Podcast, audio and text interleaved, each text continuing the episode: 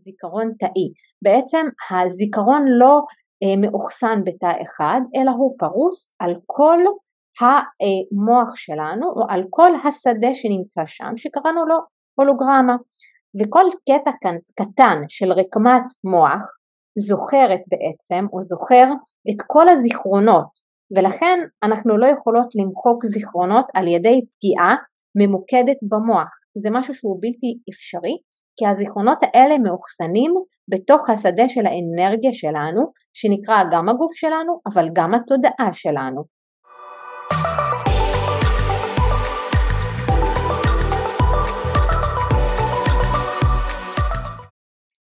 אני המנחה שלכן ושלכם דוקטור מרווה אזם, חוקרת מוח ותודעה ומלווה תהליכי פיתוח מנהיגות אישית ועסקית באמצעות מודל שנקרא one recode שמבוסס על הפרוטוקול הטיפולי שפיתחתי למניעת ירידה קוגניטיבית והיפוכה אה, בו אני ממש משלבת בין עולם המדע לתודעה ורוחניות מעשית וזה מה שמעסיק אותי בשנים האחרונות, אני חוקרת וחיה על פי האינטגרציה הזו, לאורך כל המסע שלנו גם אה, כאן אה, בפודקאסט אני הולכת לחלוק איתכן ואיתכם ידע ופרקטיקות על החיבור בין עולם המדע לעולם התודעה והרוח ואתם תראו איך הכל מסתנכרן בהרמוניה שמאפשרת לנו ליצור את החיים שאנחנו רוצות ליצור לעצמנו. בצורה אה, מנהיגותית שמבוססת ממש הוויה וערכים בכדי להשפיע ולהשאיר את החותם שלנו בעולם. אז אם מצאתן או מצאתם ערך בפרק הזה, הכי אשמח בעולם שתחלקו אותו ותפיצו את הטוב הזה הלאה לעולם.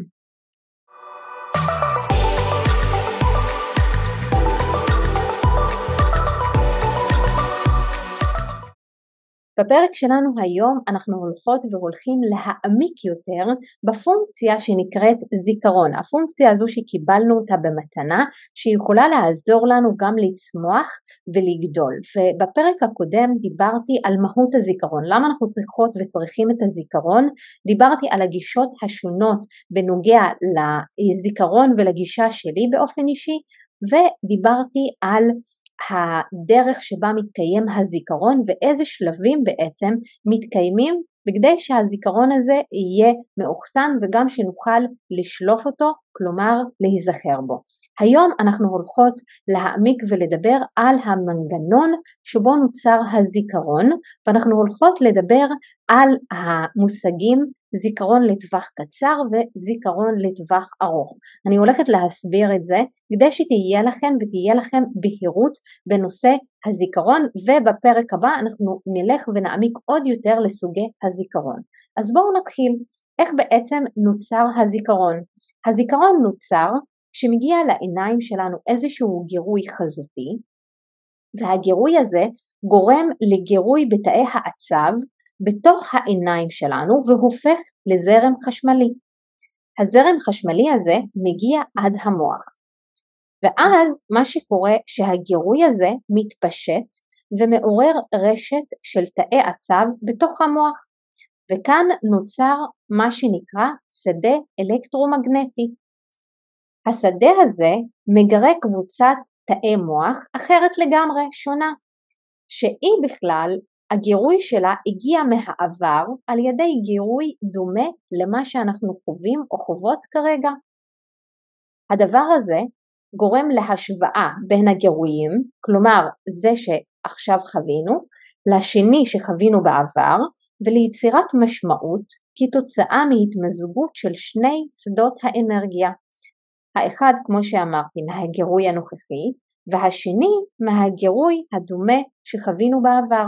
ואני אתן דוגמה של ה-freeze, flight או fight, שזה דוגמה שבדרך כלל מדברים עליה שאנחנו, כשאנחנו בלחץ, אז אנחנו מרגישים שיש נמר שרודף אחרינו. בפועל מה שקורה, כשאנחנו נניח חוות איזושהי חוויה ברחוב שמישהו רץ או בורח ממשהו, אנחנו לוקחות את החוויה הזו והגירוי ממש מפעיל את תאי העצב במוח שלנו, הוא משקלל את זה עם החוויה האנושית הקדמונית הזו של נמר שרודף אחרינו ושם הוא יוצר משמעות ואז אנחנו בעצם מגיבות. אז בעצם אנחנו גם מבינות שכשאנחנו רוצות להתעלות או להעלות זיכרון מסוים או אירוע שקרה בעבר, אנחנו מתחילות לדמיין חלק מפרטי האירוע, ואז עולה הזיכרון של הצלילים, של התמונות ושל ריחות שקשורים באותו אירוע. מכאן אנחנו יכולות להבין שתהליכי הקליטה, העיבוד, האגירה והשליפה של הזיכרון דורשים אנרגיה שהמקור של האנרגיה הזו, והיא אנרגיה חיונית, לא רק נמצאת במוח, אלא נמצאת בכל הגוף שלנו. ולפי הגישה הזו של הצפנת המידע, או הקידוד שלו, היא בעצם תלויה בחושים שמעורבים בתוך החוויה עצמה וברשת הנוירונים שפועלת ברגע שאנחנו מקודדות את הזיכרון או את החוויה ואנחנו מצפינות אותו. אז בעצם כשהתהליך של האחסון מתקיים, הוא לא מתקיים בתאי העצב, אלא בצורת שדה מגנטי שנוצר בעקבות ההפעלה החשמלית של הנוירונים אחד עם השני. ולכן הזיכרון לא תופס מקום במבנה המוח עצמו, גם אם הוא תלוי בו. כלומר, אם אנחנו רגע נבין את הנקודה הזו, אנחנו לא מאחסנים את הזיכרונות שלנו בתוך המוח או בתוך תאי העצב שלנו, אלא אנחנו מאחסנות את זה על מעין ענן, אוקיי? וזה מה שקורה כשאנחנו רוצות לאתר מידע כלשהו. זה מתבצע על ידי הפעלה חלקית של אותה רשת נוירונים שהופעלה בתהליך הקידוד והיא מאפשרת לנו קליטה חוזרת של אותו שדה מגנטי שהוא בעצמו מפעיל חשמלית מחדש כל הרשת של הנוירונים שהיו קשורים לחוויה שזכרנו והיא כבר מקודדת בתוך התת מודע שלנו. בעצם מה שאני מנסה פה להגיד זה שאנחנו מאחסנות את הזיכרון לא רק בתוך המוח ותאי העצב אלא בשדה המגנטי ויש הפעלה חשמלית של כל החוויה הזו ושל כל הזיכרון עליו כזיכרון תאי. בעצם הזיכרון לא אה, מאוחסן בתא אחד אלא הוא פרוס על כל המוח שלנו או על כל השדה שנמצא שם שקראנו לו הולוגרמה. וכל קטע קטן של רקמת מוח זוכרת בעצם או זוכר את כל הזיכרונות. ולכן אנחנו לא יכולות למחוק זיכרונות על ידי פגיעה ממוקדת במוח. זה משהו שהוא בלתי אפשרי כי הזיכרונות האלה מאוחסנים בתוך השדה של האנרגיה שלנו שנקרא גם הגוף שלנו אבל גם התודעה שלנו. בפרק הקודם דיברתי על הגישות השונות בנוגע לזיכרון.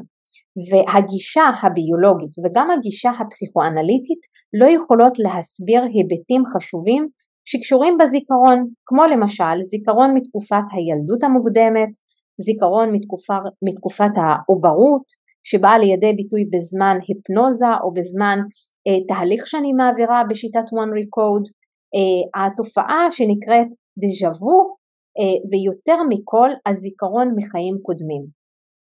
ועד היום נרשמו לא מעט מקרים, אפילו הרבה מאוד מקרים, של תופעות של זיכרון יוצאות דופן.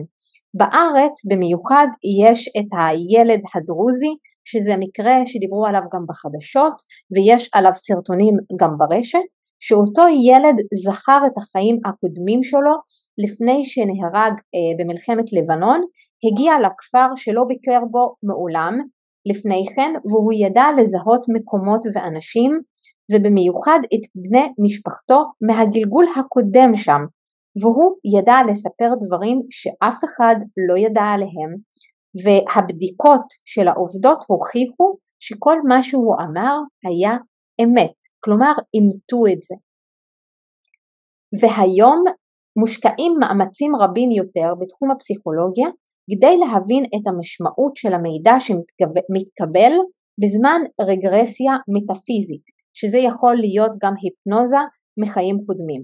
ויש פסיכולוגים ופסיכיאטרים שחקרו את הנושא, שלרוב אה, זה עלה בתוך חדר הטיפולים במקרה או לא במקרה, תוך כדי היפנוזה שערכו למטופלים שלהם. יש את הספר של אה, דוקטור בריין וייס ש, שנקרא שורשים ושיעורים בזמן שהוא סיפור, סיפר שם סיפור של מטופלת שלו שהייתה תחת היפנוזה שהעלתה זיכרונות מגלגולים אה, שונים והזיכרונות האלה אפשרו לה להיכנס לתהליך עומק של ריפוי. וכשהיא מבינה את רצף הקיום שלה ומה שהיא באה לעשות ולרפא כאן גם ברמת הנשמה וגם ברמת האישיות התחילה לקבל הרבה יותר בהירות ולהבין איך היא יכולה לקחת את החיים שלה למקום של צמיחה. יש גם את דוקטור מייקל ניוטון שאני מאוד אוהבת את הספרים שלו, שדוקטור מייקל ניוטון הוא פסיכולוג שמומחה לטיפול בהיפנוזה והוא פיתח טכניקה היפנוטית משלו שמאפשרת לו להגיע אל הזיכרונות הנסתרים של המטופלים שלו מחיים בעולם הרוחני בין הגלגולים. אני ממליצה לכל אחת ואחד שנמצאים ומקשיבים ומאזינים לי לרכוש את הספרים האלה ולהתחיל לקרוא אותם, יש שם תוכן מעניין ומרתק שיכול לפתוח את התודעה וגם לצפות בסרט על הילד הדרוזי שככה אה, יכול להתחיל להכניס אתכם לעולם הזה כדי שתרגישו שהעולם הזה הוא עולם הרבה יותר רחב ויש בו הרבה מה לחקור ולהכיר ולהעמיק. מה שכן אני רוצה לדבר על ההתפתחות של השיטה הטיפולית הזו שמתבססת על טכניקת שחזור גלגולים שבמהלכה באמת אפשר לשלוף מידע מתת המודע של המטופל ובעצם התת מודע מספר לנו על חוויות, לרוב הן חוויות טראומטיות בחיים קודמים במטרה לעזור לפתור משברים מחיים קודמים ולהבין את המשמעות הטראומטית בחיים האלו ביחס לחיים הקודמים שלנו. אני יכולה לומר שבדרך או במודל, בשיטה שאני פיתחתי, אפשר לשלוף את זה בצורה כל כך מהירה וממוקדת ולפעמים אפילו אנחנו לא מצפות כמה מהר זה יגיע. אני לגמרי מאמינה שזה צריך להגיע בתרגול ושלב אחר שלב ככל שאנחנו מאמנות את התודעה שלנו לעבוד עם זה בצורה נכונה ומדויקת, פשוט התודעה שלנו הרבה יותר גמישה והמוח שלנו הרבה יותר גמיש גם לשלוף זיכרונות וככל שאנחנו מסכימות לזרום עם מה שמגיע ברמת הזיכרונות ולהתמודד עם מה שמגיע, ככה אנחנו יכולות לצלול יותר לעומק וליצור ריפוי שורשי וגם להבין למה אנחנו בתקיעות כרגע בחיים האלה בתחום מסוים. וכאן אני רוצה ללכת ולדבר על המהות של, של הדבר הזה כי חלק ממנו הגיע מהפסיכולוגיה הטרנס-פרסונלית שהיא משתמשת בביטוי האקדמי רגרסיה התפתחותית שעושה בדיוק את אותו הדבר. אני למדתי חלק מהתיאוריות האלה וגם היישום שלהן ובעצם בתיאוריה של הרגרסיה ההתפתחותית אנחנו מחזירים לילדות, לתקופת העוברות או ללידה שלנו, לטרום הלידה ולבסוף אה, אם יש בזה צורך אנחנו חוזרות לגלגולים קודמים והפסיכולוגיה הטרנס-פרסונלית שיונג נחשב לאביה אה, היא בעצם זרם אה, בפסיכולוגיה שנוסד בשנות ה-70 בארצות הברית על ידי פסיכולוגים הומניסטים במטרה להביא את האדם לבריאות נפשית אופטימלית לפי הפוטנציאל ושלבי ההתפתחות שלו. לעומת פרויד שאמר שתפקיד הפסיכואנליזה הוא להביא את האדם מאומללות נוירוטית לסבל אנושי רגיל. ובעצם מה שהגישה הזו באה ואומרת, אנחנו לא רוצות ולא רוצים רק להביא את עצמנו לאיזשהו סבל אנושי רגיל, אלא אנחנו רוצות ורוצים לקחת את החוויות האנושיות שלנו, של הסבל שלנו, ולהפוך אותם למקפצה לתובנה עמוקה יותר ברמה הנשמתית, כדי שנוכל לצמוח מהם ולגדול מהם. אני יכולה לומר שמהניסיון שלי אה, בשנים האחרונות, אה, שיש אנשים שמשתתפים בתהליכים איתי, בין אם זה בתהליך של הלמידה של התוכנית קור ובין אם זה בליוויים האישיים שמגיעים ממש לחוויות מגלגולים קודמים ויש ממש סיפורים שאני יכולה לספר מפה עד אינסוף שאין הסבר ביולוגי שמקשר את הזיכרון אה, למוח והמעניין הוא שאחרי חוויות אה, מהסוג הזה אנחנו מגיעות ומגיעים לתובנות מאלפות לגבי החיים בגלגול הזה. מה המשמעות של החיים שלי, מה הייעוד שלי, מה הפחדים שלא הצלחתי להסביר באים לספר לי, מה קורה בתוך מערכות היחסים שלי ולמה אני לא מצליחה לחיות ממקום מיטיב בחיים שלי במערכות יחסים. אם יש בעיות בריאות אז זה משהו שאנחנו יכולות להעמיק בו ולהבין אותו, מה המצב הכלכלי שלי ואיך אני יכולה לחיות בחוויה של רווחה, יש אה, את הסוגיה של ההתמכרויות, אני מודה שאף פעם לא עבדתי עם אנשים שהם מכורים, אבל זה גם סוגיה שאפשר לטפל בה. אה, יש את החוסר זרימה שאנחנו יכולות לעבוד איתו וליצור חיים של זרימה, ויש את הדימוי הנמוך שלנו שאנחנו יכולות לעבוד איתו יחד עם הערך העצמי והביטחון שמתחיל לעלות באופן טבעי ואוטומטי, או יש גם את התחושות שמשפיעות על צורת ההתנהגות שלנו או על קבלת ההחלטות שאין להן הסבר רציונלי. אני לגמרי מאמינה שהרובד הזה של התובנות וההבנה הנשמתית העמוקה יותר יכולה להביא אותנו לצמיחה. יחד עם זאת אני לגמרי לגמרי מעודדת את זה אה, כי משהו שמביא לנו שינוי התנהגותי והרגלים שאנחנו יכולות ליצור כדי שאנחנו נוכל לצמוח. כלומר אני לא מסתפקת בכך שאני אעבור תהליך של שחזור גלגולים או שאני אעביר אדם תהליך של שחזור גלגולים אלא אני לוקחת את זה צעד אחד קדימה כדי שאנחנו נבין וניצור איזושהי אה, קרקע ובסיס איתן ויציב כדי ליצור הרגלים חדשים שיוטמעו לאט לאט בתוך התודעה ויאפשרו לנו קשר נוירוני חדש שהולך ומתעבה וככה אנחנו יכולות אה, להגיע למטרות שלנו ולהצלחה שאנחנו רוצות בצורה הרבה יותר מדויקת ונכונה עבור הנשמה שלנו. אני רוצה גם לתת כאן אה, סיפור של אה, מטפלת אישה בת 55, אה, אם אני זוכרת נכון, שהיא נשואה ואימא לארבעה ילדים והיא במקצוע שלה פסיכותרפיסטית, מטפלת, אחת המוכרות בארץ ואני מאוד מאוד מעריכה את האישה הזו. ואחד הדברים אה, שגילינו באחד התהליכים שלנו, המפגשים שלנו, שהיא הגיעה אליי במטרה לעשות את הקפיצת מדרגה אצלה בעסק והרגישה שיש משהו לא פתור שם בליצור חיבורים ומערכות יחסים בצורה מקצועית אחרת ולהתחיל לבנות סביבה קהילה.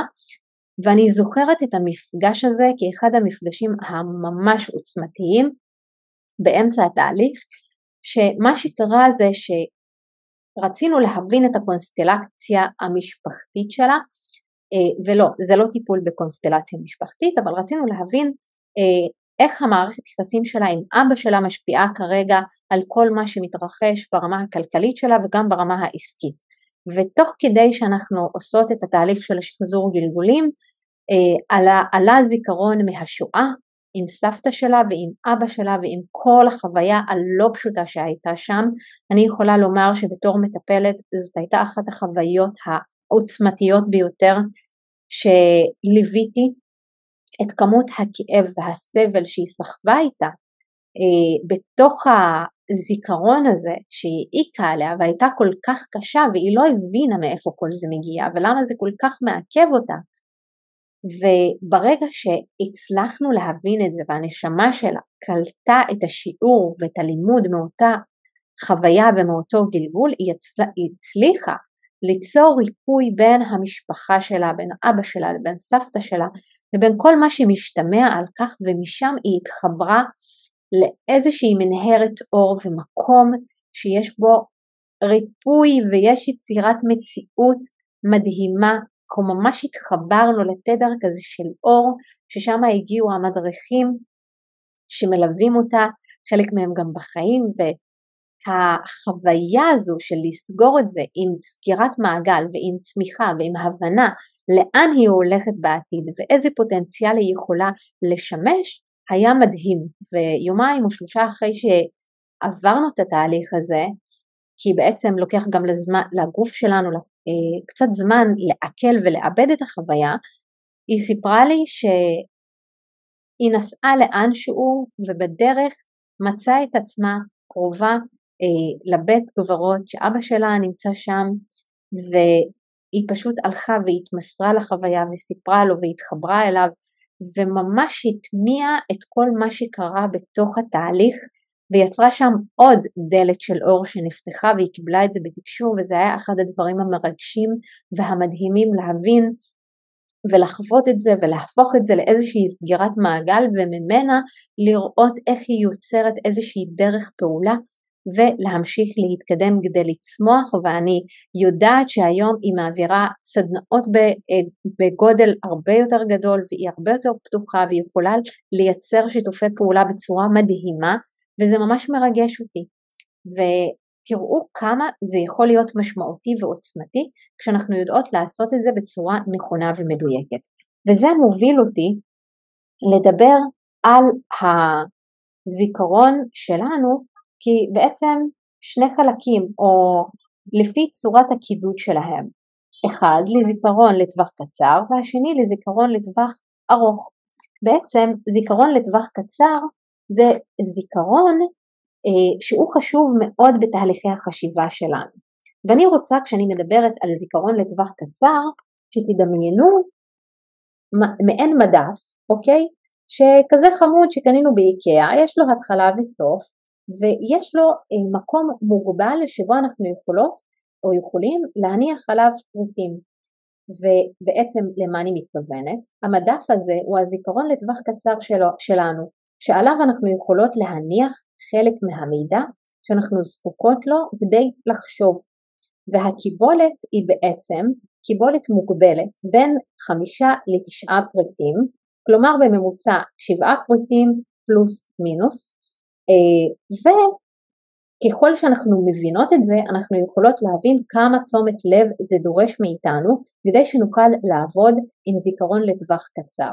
עכשיו איך אנחנו בודקות את היקף הזיכרון לטווח הקצר והיא אה, בעצם נעשית על ידי מבחני זיכרון שאני מאמינה שכולנו מכירים ומכירות אה, ואנחנו בדרך כלל מקריאים איזשהו רצף של פרטים ולאחר מכן מבקשים ממי שעושה את המבחן אה, לחזור עליהם מבלי שתהיה איזושהי המתנה או שהות ארוכה כדי שהוא יצליח לקשור את המידע לפריטים נוספים. אה, ואחד העקרונות העיקריים בזיכרון לטווח הקצר הוא תשומת הלב לפרט או לפריט שאנחנו רוצות לזכור. ולמה? כי אנחנו בדרך כלל נמצאים באיזשהו היסח דעת תמידי במיוחד בעידן שאנחנו נמצאות בו ומשום שתשומת הלב שלנו ויכולת הקליטה שלנו היא סלקטיבית אה, בעיות הזיכרון שלנו נובעות לעיתים מחוסר תשומת לב אה, לגירויים שנמצאים בסביבה שלנו ומחוסר פוקוס ומיקוד. ואני אתן את הדוגמה של המפתחות, שלרוב אנחנו נשים את המפתחות איפשהו, נשכח מהם, נמשיך לחפש אותם, לא נדע איפה שמנו אותם, אבל ברגע שאנחנו אה, יוצרות מיקוד ותשומת לב למה עשינו לפני, או מה עשינו תוך כדי ומה הרגשנו, אה, אז בעצם אנחנו שולפות זיכרון אה, קצר טווח, ואנחנו אה, מאבדות את המידע ואנחנו אז יכולות לחזור ולזכור איפה שמנו את המפתחות. ואני רוצה לדבר כאן גם על העניין שהחוקרים גם חושבים שלזיכרון לטווח הקצר יש תכונות נוספות, שהתכונות האלה מאפשרות לנו לזכור מגוון רחב של בעיות מורכבות ולא רק דברים פשוטים, אלא אה, משהו יותר מורכב במהות שלו. כמו מה?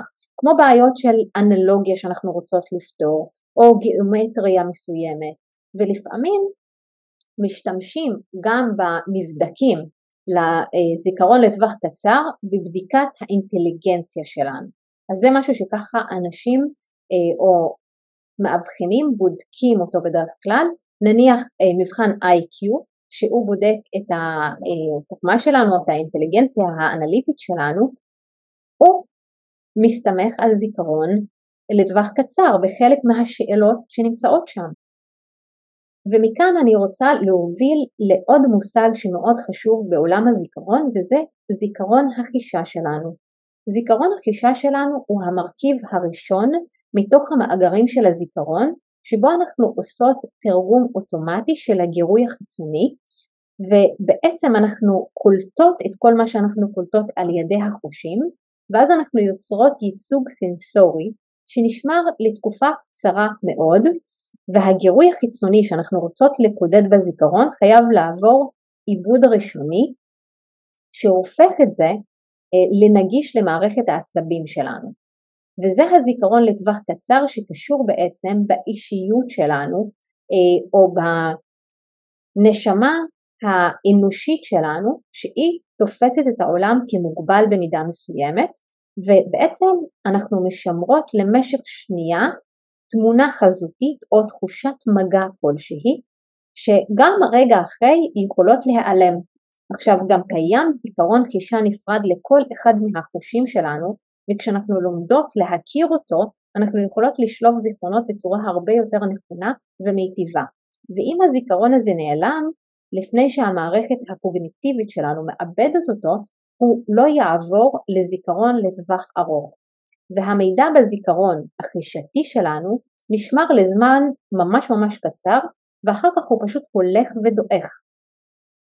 והקיבולת של זיכרון החישה שלנו גדולה מאוד והמידע בתוכה יכול לעבור למאגר זיכרון אחר רק על ידי הפניית קשב. שימו לב כמה חשוב שאנחנו נהיה בקשיבות ובמיקוד כדי שאנחנו נוכל לאבד את הזיכרונות האלה ולהפוך אותם לזיכרונות ארוכי טווח. ועוד מושג שנקרא זיכרון העבודה הוא בעצם הזיכרון לטווח קצר שקשור גם באישיות שלנו והוא בעצם הזיכרון המודע שלנו. אנחנו יכולות לזכור הרבה דברים ורק חלק קטן נמצא בתוך התודעה שלנו בכל רגע נתון ואנחנו יכולות לשלוף אותם. ואם אני אזכיר לכם שדיברנו על הגישה הפסיכואנליטית שהיא בעצם מדברת על המודע ומה המהות שלו שזה בעצם אה, זיכרונות שהם נמצאים ואנחנו יכולות לשלוף אותם כי יש לנו גישה אליהם. כלומר אנחנו יכולות לשלוף את המידע הזה. וזה מה שנקרא זיכרון העבודה שלנו. עכשיו בואו נמשיך ונדבר רגע על תהליך שליפת המידע לטווח הקצר, כי הוא תלוי בכמות הפריטים שיש בו. ככל שכמות הפריטים גדולה יותר, ככה לוקח יותר זמן לשלוף פריטים מתוך הרשימה שאנחנו רוצות לשחזר. הזיכרון לטווח קצר משתמש או משמש אותנו לשלוש פונקציות עיקריות. הראשונה היא אחסון מידע שנדרש לפרקי זמן קצרים. השנייה היא השימוש כזיכרון עבודה לחישובים ולפעולות מנטליות שאנחנו רוצות לעשות. והשלישית זה בעצם תחנת מעבר בדרך לזיכרון ארוך הטווח או מהזיכרון הארוך טווח לזיכרון עבודה, כלומר הזיכרון קצר הטווח. ומכאן בואו נדבר קצת על זיכרון לטווח ארוך, כי בזיכרון לטווח ארוך מאוחסנים פרטי מידע שהתקבלו בחושים ויש לו תפקיד חשוב בהבנת המידע שאנחנו קולטות וקולטים על ידי החושים שלנו. אני אתן דוגמה, כשאנחנו קוראים טקסט מספר או ברשתות החברתיות, הזיכרון החושי קולט קווים וצורות בלבד, והזיכרון לטווח ארוך הוא זה שמבהיר שמדובר בתבניות מוכרות ולכל תבנית יש משמעות צלילית ואפילו משמעות שפתית. תחשבו ותדמיינו אותיות ומספרים, ככה המוח מתייחס לזה. בעצם זה, מתייח... זה נותן איזושהי משמעות ונותן איזושהי הבנה למה התבנית הזו אומרת ואיך היא נשמעת ומה המהות השפתית שלה וככה אנחנו יכולות להבין את זה ולאחסן את זה בזיכרון ארוך הטווח שלנו. בעצם פריטי המידע מועברים קודם כל באופן אוטומטי לזיכרון החישה שלנו וממנו לזיכרון לטווח קצר שהקיבולת שלו מצומצמת ואז מועברים בעצם לזיכרון הטווח הארוך. והקידוד של הזיכרון לטווח הארוך הוא קידוד של משמעות. כבר דיברנו על זה בפרק הקודם. אנחנו זוכרות וזוכרים את משמעות המילים או את התוכן והאחסון של הזיכרון לטווח ארוך מתרחש בצורת ענן של השדה האנרגטי של הנשמה שלנו. בעצם בזיכרון לטווח ארוך יש לנו אין סוף על הענן הזה שאנחנו יכולות לאחסן בתוכו והשדה הזה לא מוגבל במישור המרחב וגם לא במישור הזמן ולכן הוא לא תופס מקום בתוך האחסון, הוא פשוט קיים וזאת הסיבה לזה שבמחקרים שונים לא מצאו איזושהי מגבלה לגבי אחסון לזיכרון לטווח ארוך. ואנחנו בתור אה, בני אדם וגם בעלי החיים יכולים להחזיק במאגרי מידע מדהימים וענקיים בהיקפים מאוד מאוד גדולים. אה, לעומת זאת, זיכרון העבודה או הזיכרון לטווח קצר הוא מוגבל ביותר ותלוי באופן ישיר בהפעלת רשת הנוירונים ואנחנו לא יכולות לאחסן בו יותר מתשעה פריטים אה, בו זמנית או כמו שאמרתי קודם בין חמש לתשע.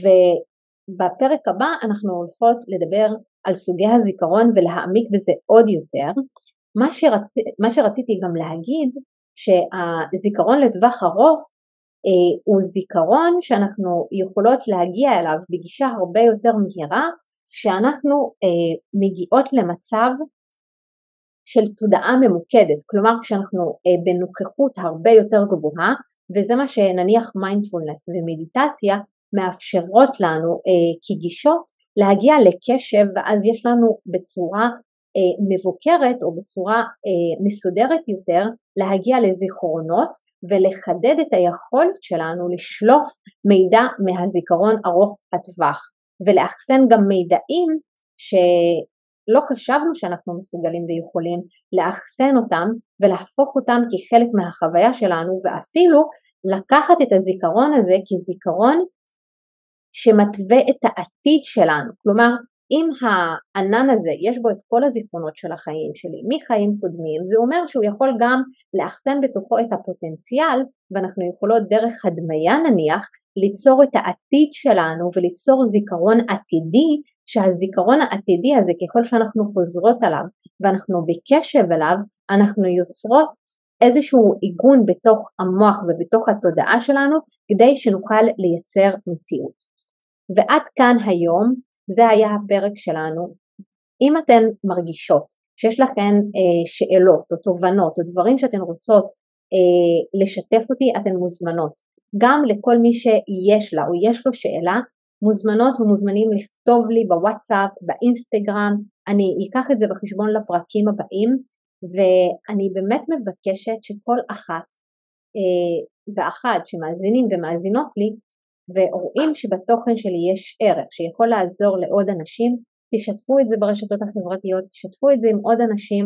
אה, אני מאוד רוצה שהפרקים האלה יגיעו לכמה שיותר אנשים כי יש פה מידע מאוד חשוב שיכול ללמד הרבה מאוד אנשים על הזיכרון שלהם ואני חושבת שזה משהו שיכול לעזור לאנשים גם להתחיל להסתכל על הזיכרון כאיזושהי מתנה שהם יכולים לטפח כי כבר אמרתי בפרק הקודם, אני פגשתי אנשים שלאט לאט הזיכרון שלהם הלך ודעך והם הצטערו על זה שלא עשו את זה רגע אחד קודם או שעה אחת קודם והתחילו לטפח באמת את התפקוד של הזיכרון שלהם בצורה הרבה יותר נכונה וגם לעבוד איתו בצורה יותר נכונה ועד כאן להיום, שיהיה לנו שבוע טוב, אנחנו ניפגש בפרק הבא.